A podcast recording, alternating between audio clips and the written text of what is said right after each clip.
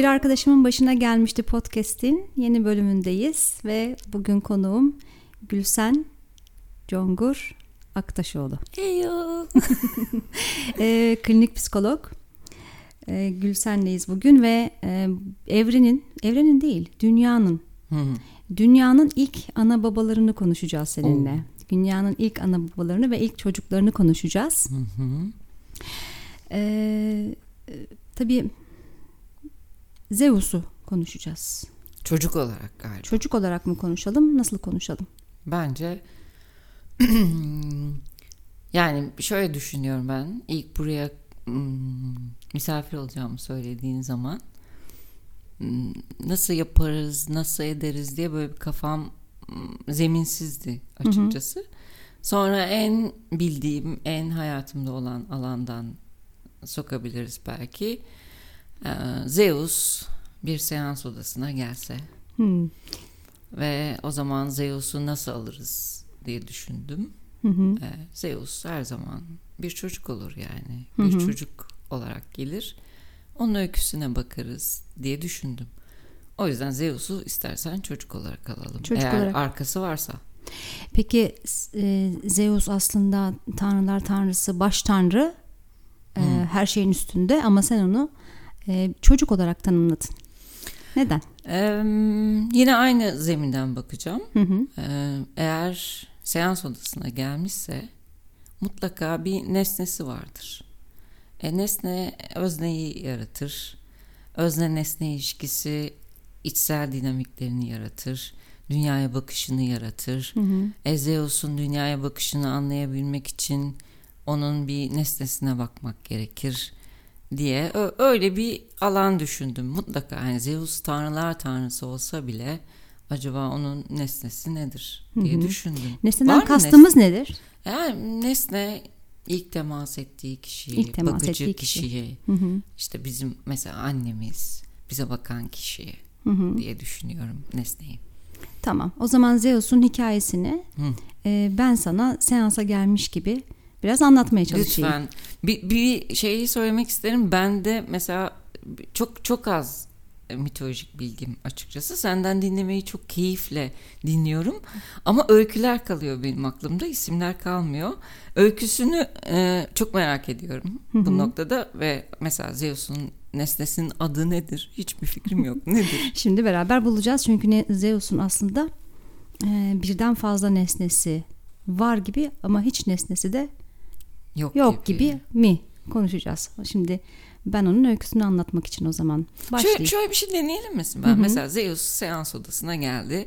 Sebebini zaten belki bir aynı seanstaki e, akış gibi belki sonra öğreniriz ama mesela Zeus seansa gelse bugün ayın 16'sı yanılmıyorsam işte 16 11 2021 e, diye atarız önce. Bugün Tarihini. geldi. Mesela şeye bakarız. Hmm, tek başına mı geldi? Yoksa yanında biriyle mi geldi diye bakarız. Zeus nasıl gelmiş olsun odaya? Zeus genelde dünyaya indiğinde bir kılık değiştirerek iner. Hmm. Yani Zeus olarak inmez. Bir şeye dönüşmüş olarak iner. Ee, ilk aklına gelen nedir? Niye dönüşmüş olabilir? Ya ben Görsel. mesela şöyle, şöyle bir şey hemen kafama gelen ilk metafor ki muhtemelen bir aktarımdır bu da. Eee, vücut çalışmış biri gibi hayal ettim mesela Zeus'u. Vücut çalışmış. Bak dışarıdan baktığında acayip kasları dikkat çeken işte presentable, bakımlı, İhtişamlı. ihtişamlı, böyle, e, kendine güvenle yürüyen, tek başına gelmiş Tek biri başına gibi gelir. düşündüm. Hı. Evet öyle geldi diyelim seansa. Ve e, saati geldi. Oturdu koltuğa. Hı hı. E, ne soruyoruz önce Ze- Zeus'a? Hı. Eee, önce not alıyoruz mesela. Yalnız mı gelmiş, yalnız gelmiş hı, falan. Bu, bu bir şey yani. Zeus yalnız gelmiş. Eee, seansa tarihi atıyoruz. İşte mesleği sanırım tanrı. Böyle, evet, böyle mesleği tanrı, baş tanrı lütfen. Baş tanrı özür diliyorum. Tanrılar Ha, tanrısı. Bak şimdi he- hemen bir duygu yaratıyor aslında. Zeus tanrı olamaz. En tanrı En olabilir. tanrı. En tanrı. Tabii. E, mesleğiniz en tanrı. Evet. Aktif olarak mesleğini Tabii ki. gerçekleştirebiliyor anladığım kadarıyla. Hmm, Daha önce hiç psikoloğa gitmiş mi? Sanırım İlk defa geliyor. ilk defa geliyor. Son, sonrasında da mesela annesinin adından başlayalım. Annesi kim? Ee, Zeus'un annesi Rhea, Hmm, babası da Kronos. hmm. Bizim e, zaman tanrısı dediğimiz yani kronolojiden gelen Kronos. Hmm, çok manidar. Hı hı. Ee, ve tabii ki e, babasını e, uzun süre e, görmeyen bir çocuk. Başka bir anne babayla büyüyen bir çocuk. Oo, mesela burası çok önemli. Hı hı. E, Girit'te, Girit adasında bir e, çobanın ve e, eşinin sakladığı bir çocuk. Kendisi önce tanrı olduğunu bilmiyor mu? E, Tanrı olduğunu iyi soru bilmiyor galiba. Bilmiyor. Yani çocukluğun çocuk yaşında bilmiyor. E, ama Rea e, onu saklamak için epey çaba sarf ediyor. Hatta e, babası onu ararken neden saklıyor onu da konuşacağız ama babası onu ararken e, oradaki köylüler ses çıkartıyorlar ki bebeğin ağlama sesi duyulmasın diye. Şöyle diyebilir miyim peki bu çocuk e, bulunduğu evde aldığı duygu, aldığı enerji korunması gereken çocuk Evet korunması gibi çocuk. büyüyor. Aslında ona bakan kişilerin gözlerinden de algıladığı şey bu. Korunmam gerekiyor. Yani aslında bir tarafıyla da tehlikedeyim duygusunu alıyor, Alıyor. diyebilir miyiz? O bakım veren e, kişiler ona evet korunması gereken olarak bakıp ama aynı zamanda da bir tanrıya baktıklarını bilen kişiler. Nasıl ikircikli ya? Çok ikircikli. E, ve o muhtemelen o ikirciklilik arasında da bebek yaşta bile farkındadır ikirciklilik olduğu. Tabii. En azından bilinç düzeyinde olmasa Hem bile çok zayıf görülüyorsun hem de çok güçlü görülüyorsun. Çünkü. acayip bir ikirciklik. Yani içine aldığı duygu ben zayıf mıyım, güçlü müyüm? Evet. Sürekli bu, bu Bunu alanda. sorguluyor. Çok merak ettim ben. Belki çok ileriye gitmiş bir şey olacak ama e, yine mitolojik bilgine güveniyorum yani. Sence bu ikircikliliği hayatı boyunca hep denemiş mi? Yani hem e, korunmam gerekiyor hem de çok kudretliyim Tabii, gibi. tabii. Hmm, Yani hem e, çok zayıflıklar gösteriyor hmm. hem de inanılmaz güçlü. Hem tüm güçlülüğü de aslında böyle her şey e, hakim zaten. Her şeyi değiştirebilen, dönüştürebilen ama aynı zamanda da e, bir insandan daha e, zayıf e, halleri ve kandırılmışlıkları var mesela. Kırılmışlıkları var. İnanılmaz zayıf. Mesela şöyle bir şey düşündürdü bende. De- dedi ki Zeus işte annem babamdan ayrı büyüdüm ben. Ee, bir çoban tarafından büyütüldüm dedi. Ee, mesela bu öyküsünü biliyor mu diye merak ederim. Derim ki işte annen sizi neden korumaya ihtiyaç duymuş? Neden sizi göndermiş? Evet çünkü şunu şöyle cevap verecekti. Çünkü babam e, benden önceki kardeşlerimi ki onlar da Hestia, Demeter, Hera, Hades e, hepsini yutmuştu. Ve annem bir çocuğunun daha yutulmasını istemediği için babama bir oyun oynamıştı. Hmm. Ve beni e, bir e, daha doğrusu bir taşı ben diye kundağa sararak babama vermiş ve babam da onu ben diye yutmuştu. Bu arada çok da ilginç bir şey. Baba taş ve çocuğu Ayırt edemiyor. Bu arada baba da tanrı Tanrı. ama yalnız. ayırt edemiyor. Ama ayırt edemiyor. Yani Ze- Zeus'un bir taştan bir farkı yok babanın gözünde. Evet. Anne ile baba arasında bir e, çatışma var. Ve anne çocuğunu korumak adına kimden? Babadan, Babadan korumak, korumak adına. adına, e, çobana gönderiyor. Doğru doğru anladım sanırım. Anne ile babanın arasında bir çatışma var. Evet. Hmm. Ee, Niye koruması gerekiyor? neden annenin? koruması gerekiyor? Tabii hikayenin şimdi daha silsilenin gerisine doğru gitmemiz gerekiyor. Hı hı. Ee, şuradan başlayalım. Şimdi Kronos e, babası Kronos kendi babası Uranos'u iktidarından etmek üzere Hmm. e, hadım ediyor ve parçalıyor. Parçalara ayırıyor.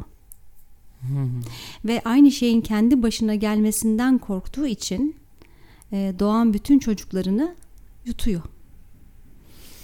Peki hmm, şöyle düşünebilir miyim? Annenin kafasında ki erkek hı hı. kocası bir erkek çocuğun ona dair güç olacağını düşünüyor.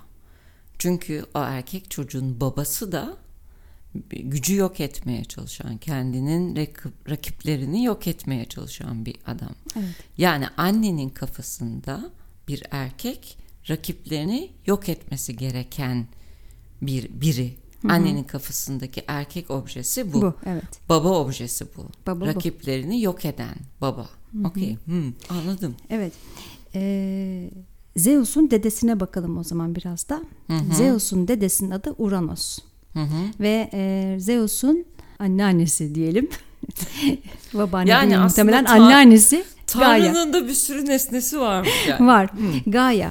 Gaia e, aslında ilk ana tanrıça. Ne güzel bir Ve e, toprak ana olan Gaia değil mi? Ne kadar evet böyle ya. hoş bir şey böyle veriyor. Titreşimi falan ne kadar hoştur. Çok güzel. Bence. Benim içimde hissettirdiği duygu öyle. E, çünkü ilk topluluklar, dünyadaki ilk topluluklar aslında çiftçi. E, toprağın bereketi onlar için çok önemli ve hayatlarını sürdürmeleri, yılın verimsiz aylarında da kendilerini beslemeye devam edebilmeleri için yiyecek yeterince yiyecek elde edebilmeleri gerekiyor. Hatta işte kabilelerin devamını sağlamak için de yeterli çocuk sayısına sahip olabilmeleri gerekiyor. E, bir kadın çocuk doğurabiliyor. E, demek ki o zaman toprak da doğurabiliyor. E, demek ki e, Tanrı onlar için yaratıcının e, ya da toprağın ruhu kadın. Hı hı. İlk topluluklar için böyle. Yani bir kadının çocuk doğurma yeteneğiyle toprağın bütün bitkileri doğurma yeteneği arasında bağ kuruyorlar ve toprağın da ruhu kadın onlara göre. Ama bir de Uranos var. Uranos da her şeyi yöneten, olmuş olan her şeyi yöneten ve Gaia ile Uranus'un e, Uranos'un ilk çocukları oluyor. İlk ölümsüz çocukları. Onlar da yüz kollu devler, e, tek gözlü kikloplar ve titanlar. Hı hı. Yani yaratıcıyla, yaratanla e, koruyan böyle diyebilir miyim hı hı. aslında? İkisi birleştiğinde hı hı. ortaya çıkan ürün yaratıcı ve koruyucunun birleştiği böyle yüz kollu hı hı. hem yaratıp hem top, toplayan bir ürün olarak ortaya evet. çıkıyor. Hı hı. Ama Uranus bu çocuklardan çok korkuyor. Hı. Kendi çocuklarından çok korkuyor ve hatta onlardan nefret ediyor. Ve her birini de toprağın derinliklerine Tartaros'a fırlatıyor. Rahme geri göndermeye Rahme geri çalışıyor. gönderiyor. Hmm. İstemiyorum bu çocukları. Ürkütücü bunlar. Kendi yarattığı alandan geriye dönüş Geri istiyor. gönderiyor.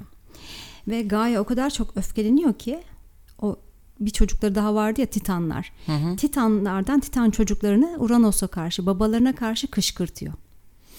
Hmm. Ve e, intikam aracı olarak kullanmaya karar veriyor.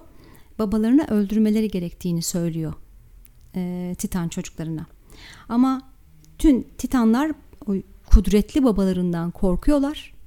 Bir tanesi korkmuyor. O da en küçük oğul Kranos. O daha hmm. cesur. Hmm.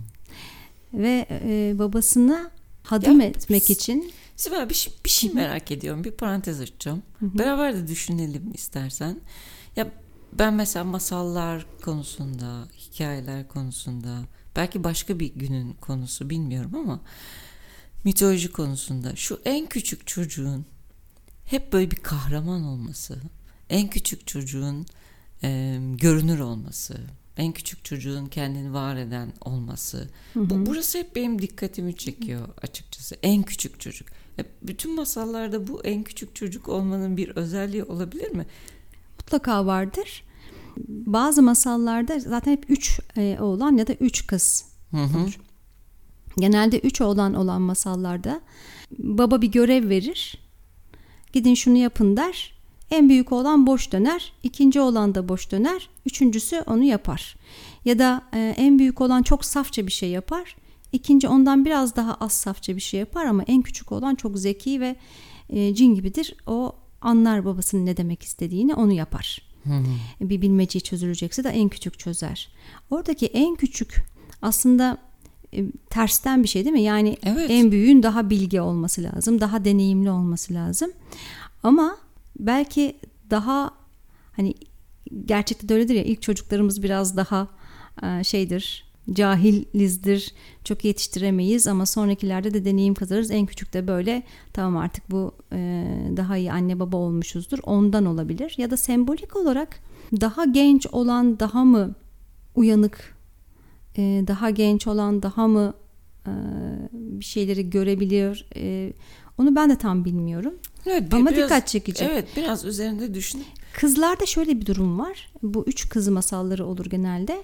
Mesela Mavi Sakal'da da öyledir. Mavi Sakal'la bir gün geçiren büyük kız kardeş bir tuhaflık var der, anlar. İkinci evet evet der, uyumlanır ona. Üçüncü de yok canım o kadar da mavi değil sakalı der. Ve ona daha analitik psikolojide baktığımızda sembolik olarak eee, saf dil deriz. Hmm. Saf dil yani e, saf akıllı, saf gönüllü. E, henüz daha deneyimli olmamış, deneyimlenmemiş, erginlenmemiş deriz. Hı hı. Ve burada aslında en küçüğün erginlenme yoludur masaldaki o yolculukta.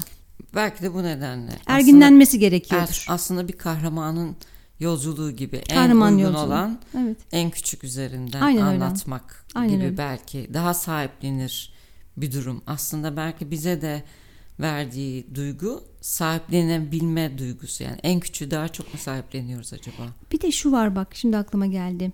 Masallardaki üçlemelerin şöyle bir anlamı da var. Üç aslında bir yaratım sayısıdır. Hmm. Yani bir ve ikinin birleşimiyle bir üçüncü doğar. Yani iki, e, o dualite üçüncüyü doğurur ve üçüncü artık yaratımdır.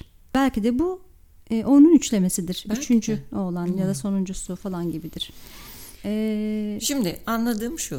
Galya e, kocasından memnun değil ve mm, bir takım çocuklar doğuyor or- ortama ve bu, bu çocuklar iki kuvvetin birleşiminden doğan çocuklar hem yaratma hem e, güvenlik sağlayan çocuklar ama baba bundan hoşnut değil. En çocuk, en küçük çocuk zaman. Ya ben öyle kodladım. Zamanı doğuruyor hı hı, Galya. evet. Çok çok manidar geliyor. Buradan bir sürü şey çıkacak Evet. gibi de geliyor. Baba tüm çocukların konusunda yok etmek istiyor. Ama galiba orada zaman kalıyor mu? Zaman Zaman diyor ki ben diyor hakkından gelirim anne. E doğru tabii. E, bütün diğer kardeşleri Tartaros'a fırlatılmış. Rahme geri gönderilmiş toprağın derinliklerine. Ama diyor ki ben onu yenerim. Çünkü Gaia babasını hadım etmesi için ya da parçalara ayırması için çakmak taşından bir orak veriyor oğluna. O da gerçekten koparılmış parçaları işte toprağa ya da denize atıyor. Ve diyor ki saltanatın bitti baba atarken de. Şimdi senin yerine ben hüküm süreceğim. Benim gücüm seninkinden fazla. Bu yüzden sana kaderine razı olmayı öneriyorum. Zaman diyor. buna. Zaman diyor. Hı hı. Baba kaderine razı olmayı öneriyorum. Hı hı. Ve burada ilginç bir şey var. Kronos babası Uranüs'ü parçalıyor ve kanını toprağa akıtıyor. Hı. Topraktan canavar evlatlar ürün, evlat ürünleri çıkıyor. Yani canavar evlatlar çıkıyor. Yani şöyle şöyle düşünsem nasıl olur? Çok mu kirletmiş olurum bir çağrışım Beyin fırtınası ama- yapıyoruz burada Ama tamamen. mesela bir anne var, Hı hı. bir metres var. Yani toprağa bir metres olarak koyacağım Hı hı, buraya hı hı. ve buradan doğan çocuklar canavar çocuklar. Canavar. Ötekinden Üvey çıkan kardeşler. üvey kardeşler canavarlar. Evet. Ama kendisi e, kutsal anne ve kutsal çocuk olarak orada duruyor Tabii. anladığım kadarıyla. Aynen öyle. Uranüs'ün e, denize batan parçalarından da e, güzellik ve aşk tanrıçası Afrodit doğuyor. Hmm. Bir güzellik de doğuyor yani. Zaten aslında tamamen e, mitolojide, masallarda ve dünyada da öyle dualite var ya. Yani Hı hı hı hı. işte çirkin bir şey olduysa karşında güzel bir şey de, iyi bir şey varsa kötü bir şey de. Burada zehirli gözyaşı akıtan ve gözleri dayanam dayanılamayacak kadar pis kokan nefesleri olan daha doğrusu pis kokulu nefesleri olan kara giysili üç furya diyor şeye toprağa akıtılanlardan ortaya çıkanlara. Hı hı. Ama suya atılanlardan güzellik ve aşk tanrıçası Afrodit doğuyor. İlginç buradaki metaforlar. Toprak sanki kötüyü, e, su sanki estetiği ve güzelliği sembolize ediyor gibi. Hı hı. Yani babanın e, dışarıdaki döllemesi, kendi isteğinin dışındaki döllemesi diye alacağım. Hı hı. E, bir topraktan, bir denizden oluyor ve bir, bir kötü, bir de estetik ve iyi Bir şey çıkıyor. nesneler çıkıyor, yani Hı hı. güzellikler çıkıyor Evet. anladığım kadarıyla. Peki tamam e, annesinin Gaia'nın istediğini yaptı Evet. E, ve e, babayı iktidardan dışarı attı. Kendisi artık hüküm sürecek ama bir sözü vardı annesine. E, o sözü unuttu. E, Tartaros'ta hapsedilmiş olarak bıraktı kardeşlerini. Hmm. E, ve annesi ona dedi ki bir gün babanın başına gelen senin de başına gelecek. Şimdi ya gel gör bizi aşk neyledi diyesim gel- geldi.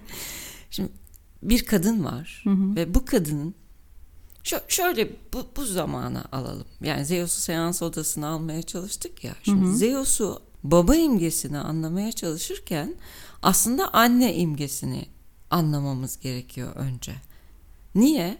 Çünkü çocuk ve annenin ilişkisi önce başlar. Sonra baba, Baba dahil olur.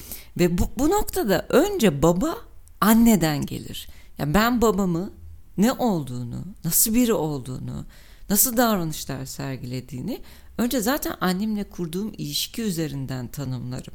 Çünkü annem babamı bana tanımlar. Hı hı. Ve babamın tanımı üzerinden, annemin babamı tanımı üzerinden babamı tanımlayıp onunla ilişki kurmaya çalışırım. Ya zavallı zaman diyesim geldi. Ama çok da güzel bir yaratım var. Kadın yani Galya bir koca tanımlıyor orada Kronos'a ve diyor ki senin baban böyle böyle biri. Hı hı.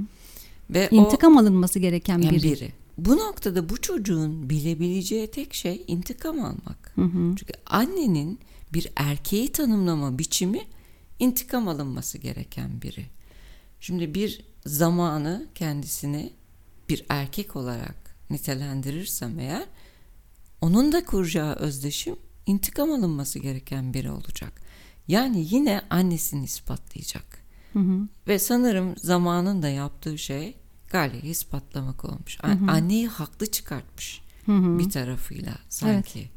Yani o kardeşleri orada esir tutarak aslında annenin bildiği erkeği Yeniden yaratmış yaratmış. Tabii. gibi geliyor. Yani baba oraya attıysa oğul da orada tutmaya devam ederek iktidarını korumak üzere olan bir erkek Hı hı. doğrulaması değil mi? Sen onu kastediyorsun. Evet evet. Yani Galya için iktidar olan erkek e, intikam alınması gereken biri. Evet. Bir erkek tanımı var Galya'nın.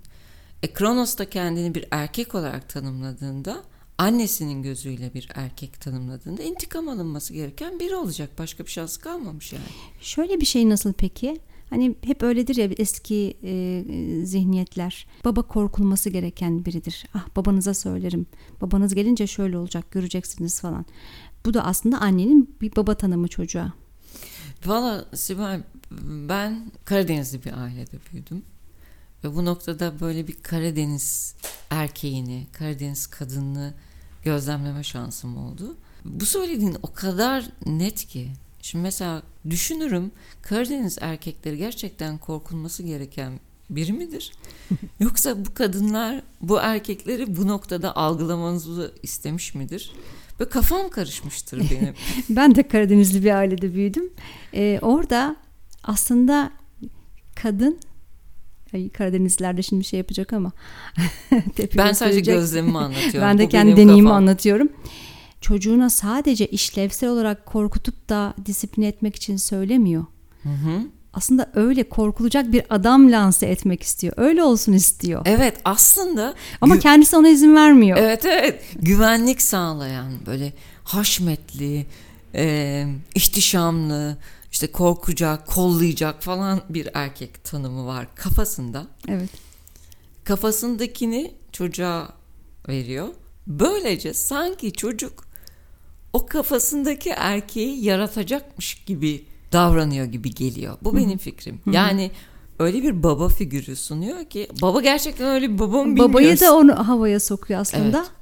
Baba da aslında halim selim bir adamken hmm, bak işte oğlum böyle yaptı bugün falan deyince o da bir havaya giriyor yani Aynı, aslında. a- aynı öyle bir şey oluyor. Sanki böyle hani yansıtmalı özdeşim diyoruz Evet. ya. Yani.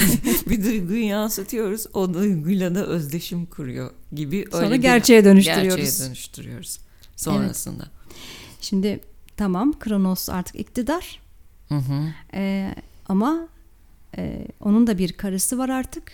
Hı. Rhea Hı hı. yani Zeus'un annesi. Hı hı. Ee, orada şuradan kısa bir şey yani kısa olmasa da bir şey okuyacağım.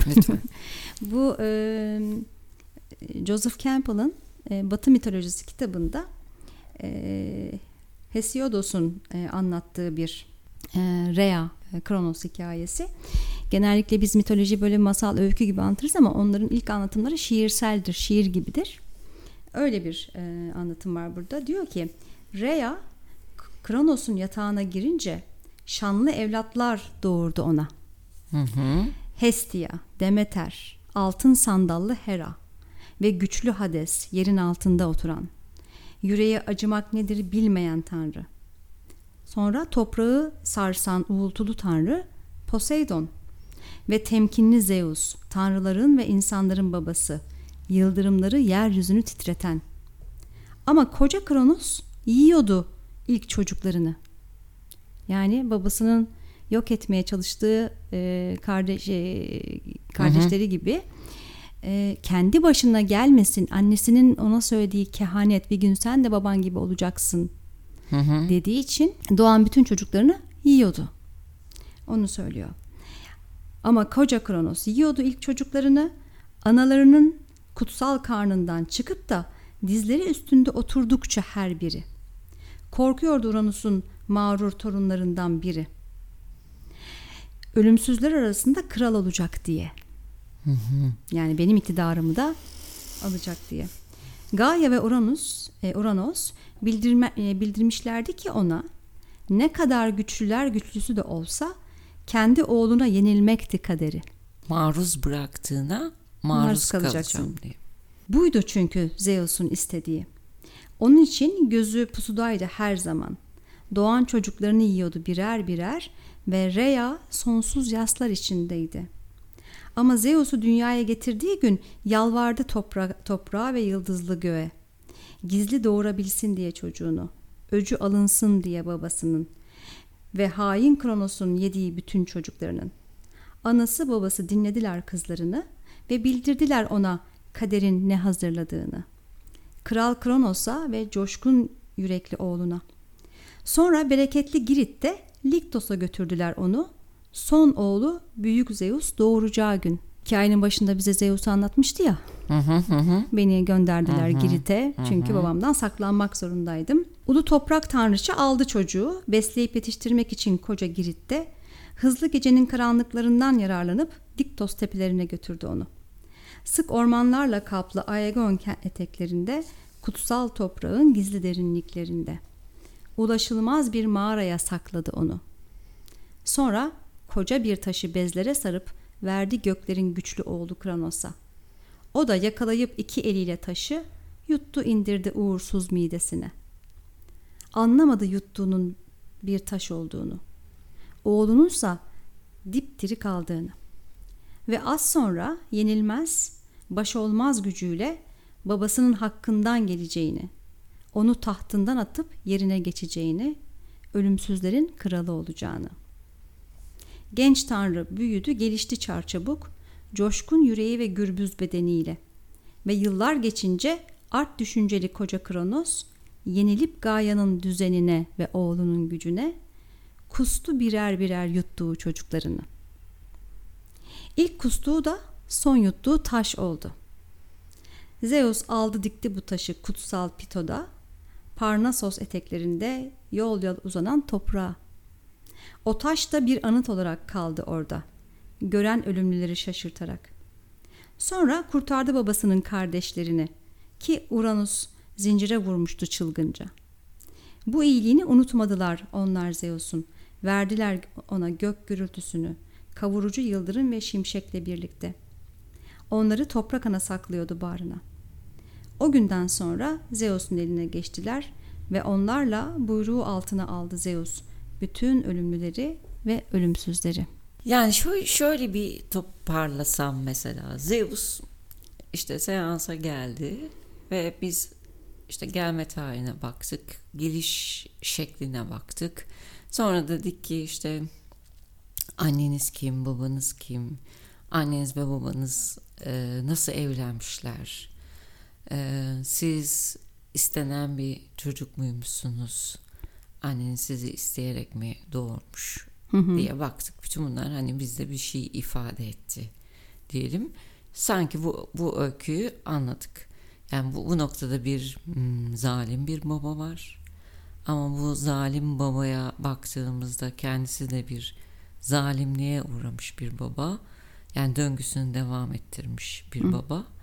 Ve anneler var kurtarıcı bekleyen bir tarafıyla e, çocuklarına kendi kafalarındaki Babayı, erkeği çok erkeği. mu radikal olur bilemedim ama e, kendi kafalarındaki erkeği yerleştirip aslında bir kurtarıcı yaratmaya çalışan hem bir anneanne var Hı-hı. doğru doğru Hı-hı. muyum hem de bir anne var. Hı-hı. Yani burada bir hep tekrarlanan bir sahne var evet. gibi, gibi geldi bana.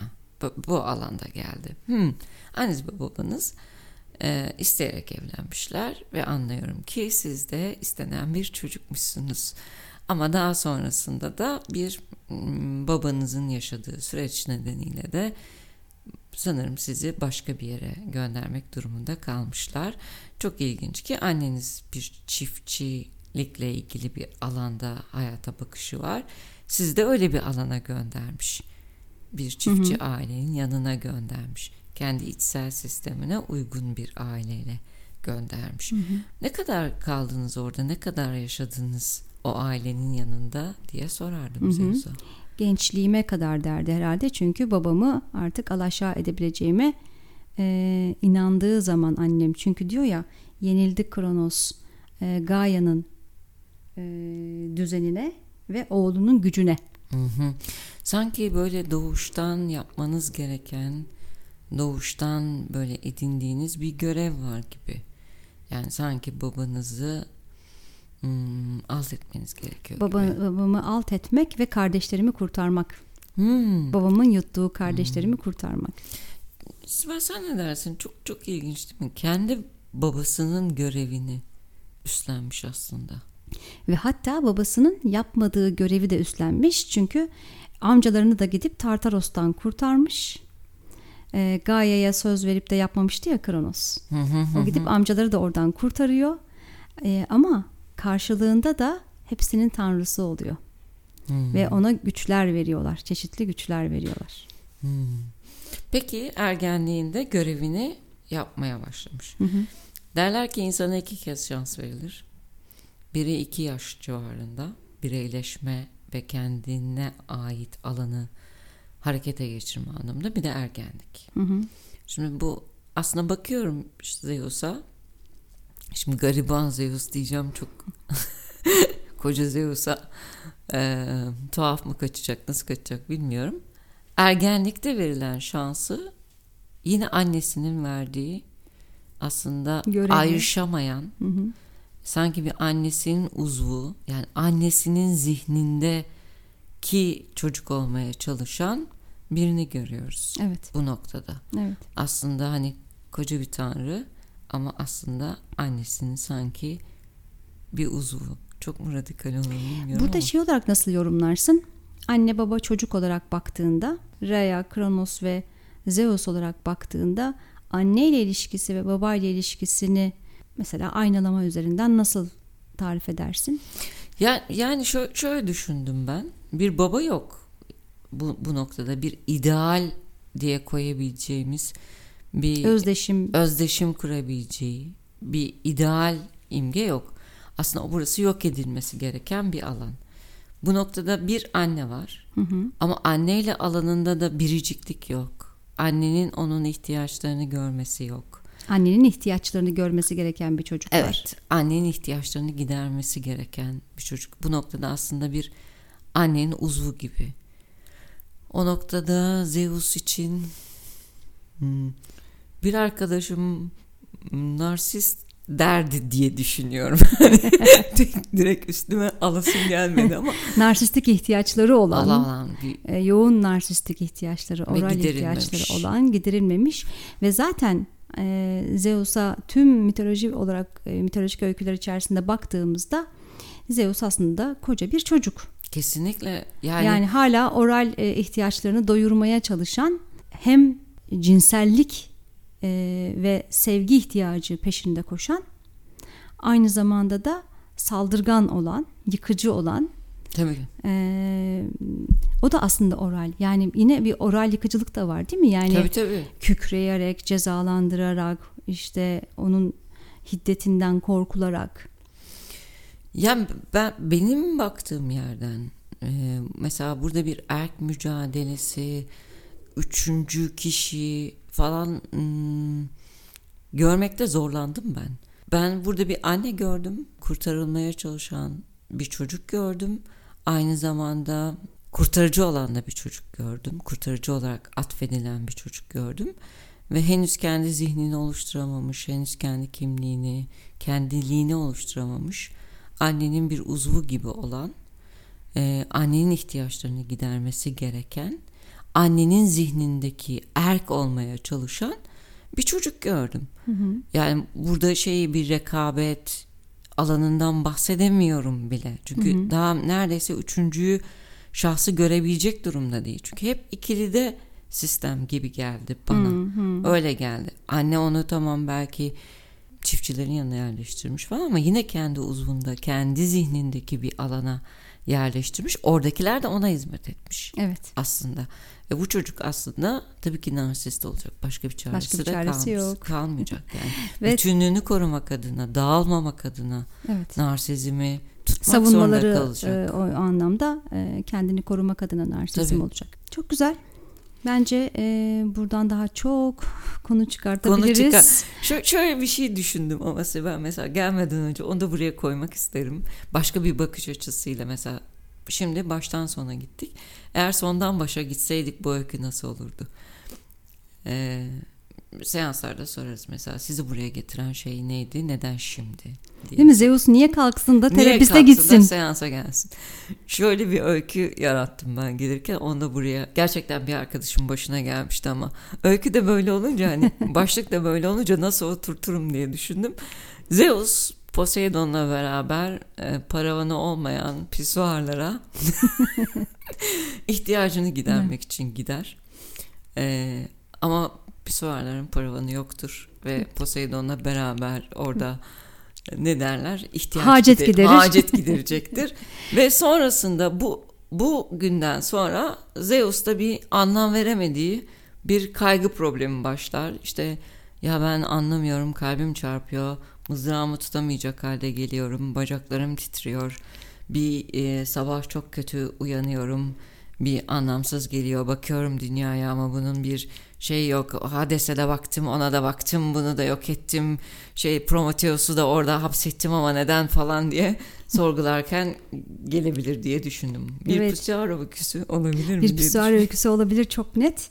Ee, ikincisi de o kadar çok aldatıyor ki Hera'yı. Hera ile ilişkisi çok artık tükenme, bitme ve Hera'nın onu terk edeceğini düşündüğü anda ilişkisini kurtarmak için de gelebilirdi. Evet olabilirdi. Ama, ama ilişkisini kurtardığı an Tekrar giderdi. Baştan, evet çok, çok keyifli. teşekkür ederim. Çok keyifliydi. Bence valla. de çok keyifli bir sohbet oldu ve bayağı bir e, dünyanın analarını, babalarını, çocuklarını, ilk çocuklarını, ilk analarını, babalarını analiz etmiş olduk. Valla Daha doğrusu Zeus'a beyin fırtınası yapmış olduk. Evet, ee, koca Zeus'a da gariban dedik Gariban Zeus diyerek. Ama biliyorsun ki narsistik e, kişiler kendilerini e, üzülmemizi, kendileri için üzülmemizi, kendilerine e, acımamızı sağlayabilirler o ajitasyonda. Şey gibi de geldi Sibel ne dersin? E, mesela aktarımsal olarak da aslında e, Galya'nın Zeus'un karısının adını Rhea. Rhea'nın e, çocuklarına baktığı alan gariban. Hı hı. Ve biz de aslında bir e, anne aktarımına girip Koca Zeus'a da gariban dedik. Gariban dedik. evet. Çok İyi, ağzımıza ederim. sağlık o zaman. Çok teşekkür ben de ederim. teşekkür ederim Çok geldiğin. Nasıl için. geçti anlamadım. Gerçekten uzunca da bir bölüm yapmış olduk. Ama başka bölümlerde yine Zeus'u Çok, çekiştirmeye çok zevk, devam zevk ederiz. Alırım. Zevk Ee, alırım. görüşmek üzere. Herkese hoşçakalın diyorum. Hoşçakalın.